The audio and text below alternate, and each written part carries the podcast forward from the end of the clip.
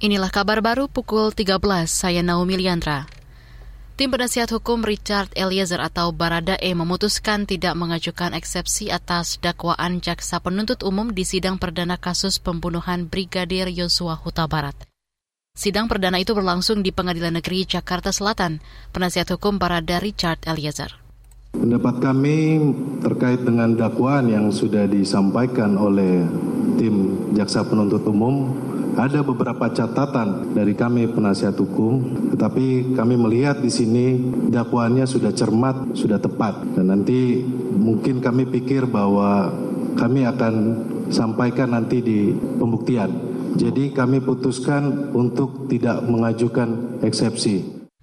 Penasihat hukum Barada Richard Eliezer juga meminta pengadilan menghadirkan saksi Ferdi Sambo, Putri Chandrawati, Riki Rizal, dan Kuat Maruf di persidangan berikutnya.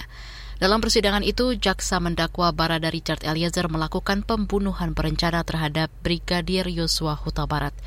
Saudara, kemarin Pengadilan Negeri Jakarta Selatan juga telah menggelar sidang terhadap terdakwa Ferdi Sambo, Bribka Riki Rizal, Kuat Maruf, dan Putri Chandrawati. Mereka didakwa melanggar pasal pembunuhan berencana. Kita beralih ke berita lainnya.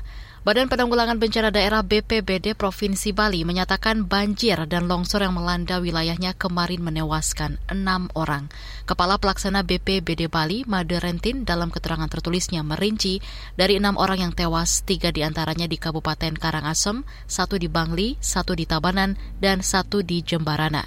Sementara itu juru bicara BNPB Abdul Muhari mengatakan banjir yang melanda sejumlah daerah di Pulau Dewata itu terjadi setelah hujan deras mengguyur daerah itu siang kemarin. Tingginya curah hujan juga memicu longsor di beberapa tempat di Bali dan menutup beberapa akses jalan di provinsi itu. Saat ini tim BPBD Bangli bersama tim gabungan masih melakukan pendataan lanjutan dan mempercepat penanganan darurat. Kita beralih ke berita luar negeri. Negara anggota eksportir minyak OPEC Plus dan Uni Emirat Arab mendukung sikap Arab Saudi yang menolak tunduk pada Amerika terkait pemangkasan produksi minyak. Pemerintah Uni Emirat Arab juga mendukung upaya Saudi menstabilkan energi dan keamanan. Dikutip dari Reuters, selain UEA, Bahrain juga mendukung Arab Saudi dan penolakan terhadap politisasi atas keputusan OPEC+. Plus.